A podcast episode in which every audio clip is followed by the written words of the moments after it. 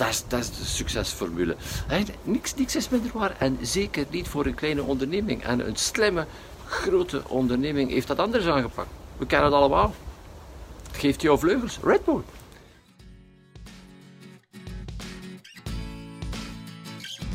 Welkom bij de Business Lab Morning Run. Als je een eenmanszaak of een kleine BV hebt, dan is deze podcast voor jou. Ik ben Xavier de Baren, medeoprichter van Business Lab. Elke werkdag na het hardlopen in de vroege ochtend vertel ik alles wat ik weet om een succesvolle ondernemer te worden. Dankjewel dat je erbij bent. dit weekend zijn we naar buiten gegaan. We gaan veel naar buiten, maar niet zoveel op uh, boodschap. En uh, dit weekend naar Gent getrokken, het centrum van Gent. Een grote zaak, knutselzaak. En, waar ze allerlei schrijfgrief kopen. En na meer dan een uur was aan eindelijk rond met een vol mandje. En we komen aan de kassa. Ehm, we, rekenen, we rekenen dit af. En ik betaal met creditcard. En alles is afgerond. En die dame zegt tegen mij: Ah, ik zie net dat je met kredietkaart hebt betaald. Uh, ja, dan, um, dan komt dit bedrag, het was toch wel een fors bedrag, niet op jouw klantenkaart, die dat ik nu zo fan ben over, over een klantenkaarten. Meestal hou ik die niet bij, want er is hier het punt niet. Uh, zegt ze, ja, komt wel niet op jouw klantenkaart. Oh, ik zei, ja, spijtig. Ik zei, waarom, waarom heb je mij daar niet op geattendeerd? Uh, ja, ja, maar zegt ze, ja, dat staat bij het eh, bakje, bij het bankcontactbakje. Dat staat daar geschreven. En die mevrouw komt dichter bij mij en neemt daar eerst een hele hoop uh, bladeren weg. En dan in één keer komt zo tevoorschijn in het klein geschreven, een klein strookje zo van, ah, als je met kredietkaart betaalt, komt het niet op jouw klantenkaart. En ze voegt er nog aan toe, ja, maar niemand ziet dat. ja. Ik zeg, ja, hoe lossen we dat nu op? Ah ja, maar ja, dat is serieus dat te laat. En uh, ja, voilà, kijk, uh, dat is zo. Uh, nog even in gesprek geweest met die, uh, met die lieve dame die in één keer ons totaal, totaal negeerde voor de rest. maar wat is de les dat we hiervan meenemen?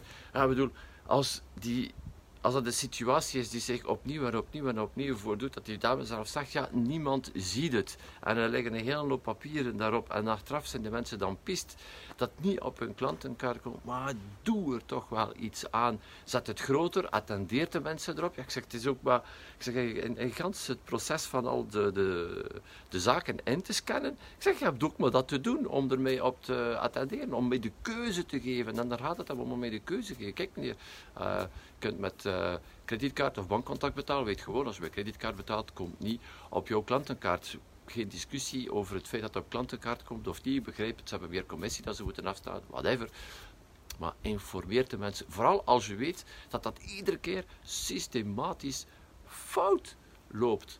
Uh, doe er dan iets aan. Dus uh, dat is mijn tip voor vandaag. Wat uh, loopt er misschien systematisch fout of uh, vergissen jouw klanten zich systematisch? Of jouw team, hè? waar loopt jouw team iedere keer, iedere keer, iedere keer opnieuw tegenaan? Omdat de instructies niet duidelijk zijn, omdat ze het nog niet, nog niet weten. Dit weekend zat ik door een, boek te bladeren en ineens zag ik een story die ik al een tijdje geleden gelezen had, wat ik toch met jou wil delen. En uh, het verhaal gaat als volgt. Stel dat je deel uitmaakt van de raad van bestuur van een gloednieuwe, gloednieuwe firma en de ambitieuze doelstelling is uh, nummer 1 te worden in de, in de frisdranken. Dus met andere woorden, Coca-Cola voorbij gaan steken. En wat er zou gebeuren in de meeste van die uh, brainstormings, meestal die raad van bestuur, we gaan kijken, eerst en vooral, wat kunnen we doen om een product op de markt te zetten die beter smaakt, dat we ook goedkoper gaan uh, verkopen om onder de prijs te zetten van uh, Coca-Cola. En dat we tegelijkertijd in een grotere verpakking nog gaan steken, zodat de mensen echt waar krijgen voor hun geld. Dit is de strategie dat de meeste kleine ondernemingen ook toepassen als ze binnen een markt komen, als ze een nieuw product lanceren, een nieuwe dienst lanceren. We gaan het beter doen dan een andere. We gaan, het, eh, we gaan meer waargeven voor hetzelfde geld. En we gaan ook zorgen, uiteraard, dat we de goedkoopste zijn binnen de markt. Uh, dat, is, dat de succesformule. niks, niks is minder waar. En zeker niet voor een kleine onderneming. En een slimme, grote onderneming heeft dat anders aangepakt. we kennen het allemaal. Het geeft jou vleugels. Red Bull. Die hebben totaal anders aangepakt. Die hebben iets op de markt gebracht die in een kleinere verpakking zit. Kleinere, ehm, kleinere blikjes. Die heel duur geprijsd zijn. En waarvan studies hebben dat uitgewezen dat de grote meerderheid van de mensen het gewoon afschuwelijk vinden van smaak en van geur. Totaal, totaal, totaal iets anders. Kijk waar Red Bull vandaag staat. Het zijn 6 miljard blikjes die verkocht worden uh, per jaar. En dat is iets over na te denken in jouw business. Stop met proberen beter te doen dan de anderen, om goedkoper te zijn dan de anderen, van uh, het nog meer te geven aan, uh, aan, aan jouw klant. En ik geloof dat dat het verschil gaat maken. Nee, slimme marketing zal het verschil maken. Specifieke marketing die je nodig hebt voor de kleine onderneming.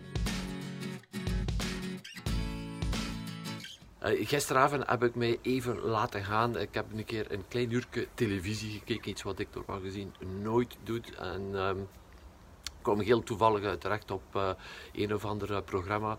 Uh, by the way, het is nu ongelooflijk hoe gemakkelijk blijkbaar televisie maken geworden is. Je neemt gewoon een cameraman, een cameraman, een camera en je volgt een koppel. en die mensen vertrekken van België naar Spanje, hadden daar een droom van daar een of andere B&B of een jeet op te zetten. En die, ik heb aan het einde van het programma gezien, wat die zijn vertrokken net voor de lockdown. En nu, september, oktober, zijn ze al teruggekomen naar België, want het geld is op. Ah, die COVID.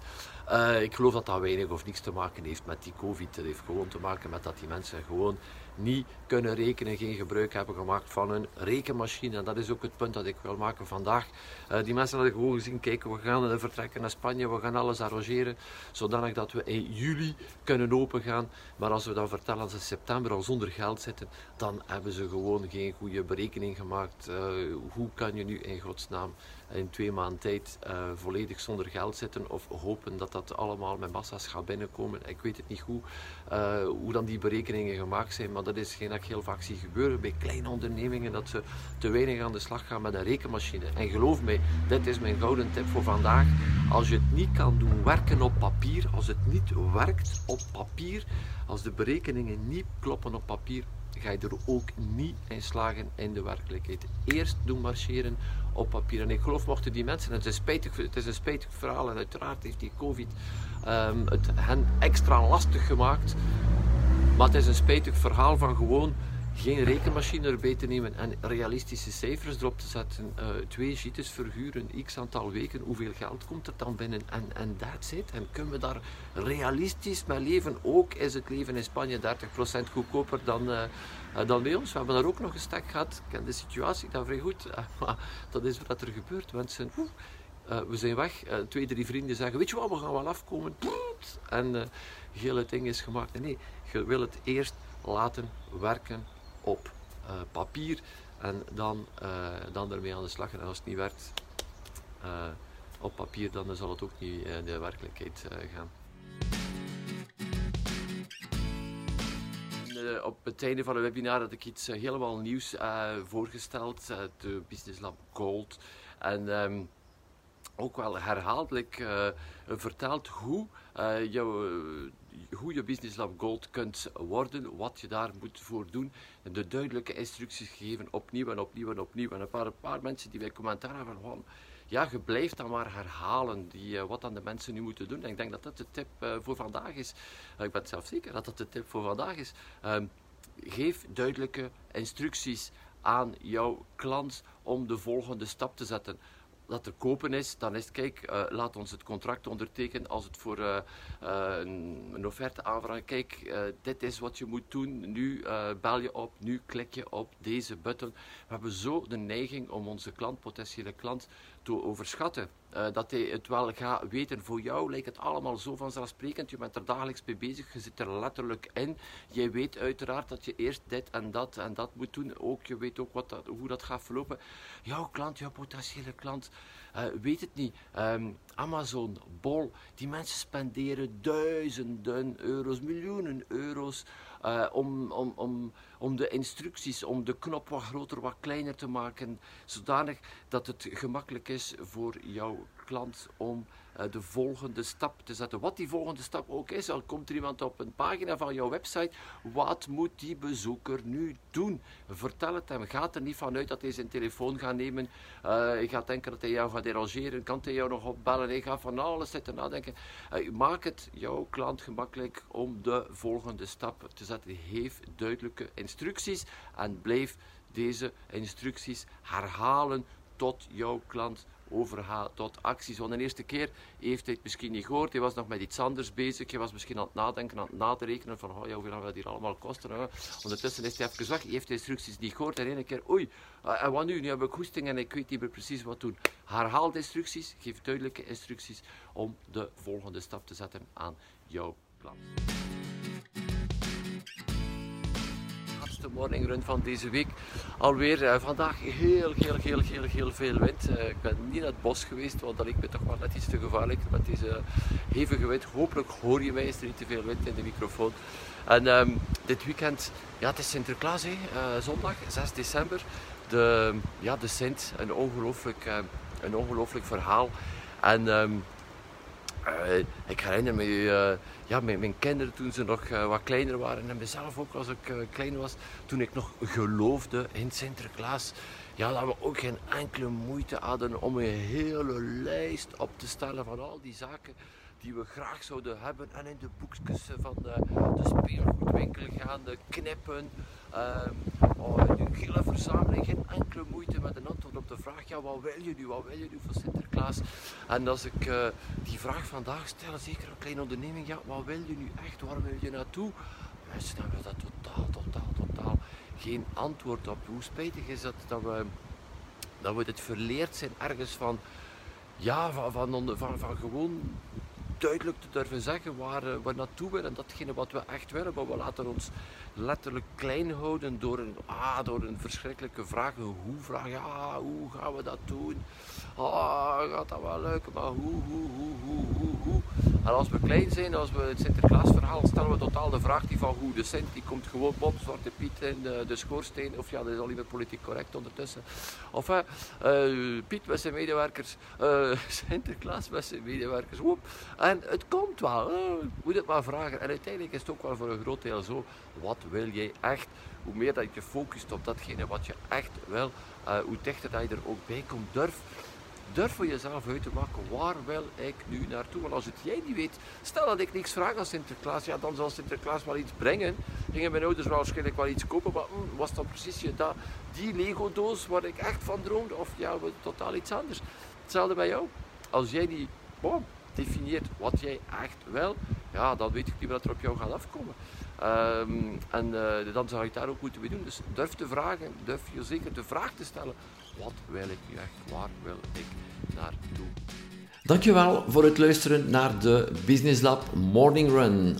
Als je gloednieuw bent in onze wereld, ga dan nu naar onze website businesslab.be en volg het eerstkomend webinar. Mocht je onze podcast al een tijdje volgen en je houdt van wat je hoort en je vraagt je af hoe Business Lab je kan helpen met de groei van je zaak, contacteer dan vandaag nog mijn team en vertel ons precies waar je naar op zoek bent. Vergeet ook niet jou te abonneren op deze podcast en deze Business Lab Morning Run te delen met andere ondernemers. Zet je nog maar een vraag? Mail ons gewoon naar an-xavier.businesslab.be Doe wat je graag doet, doe het goed. Ik duim voor jouw succes.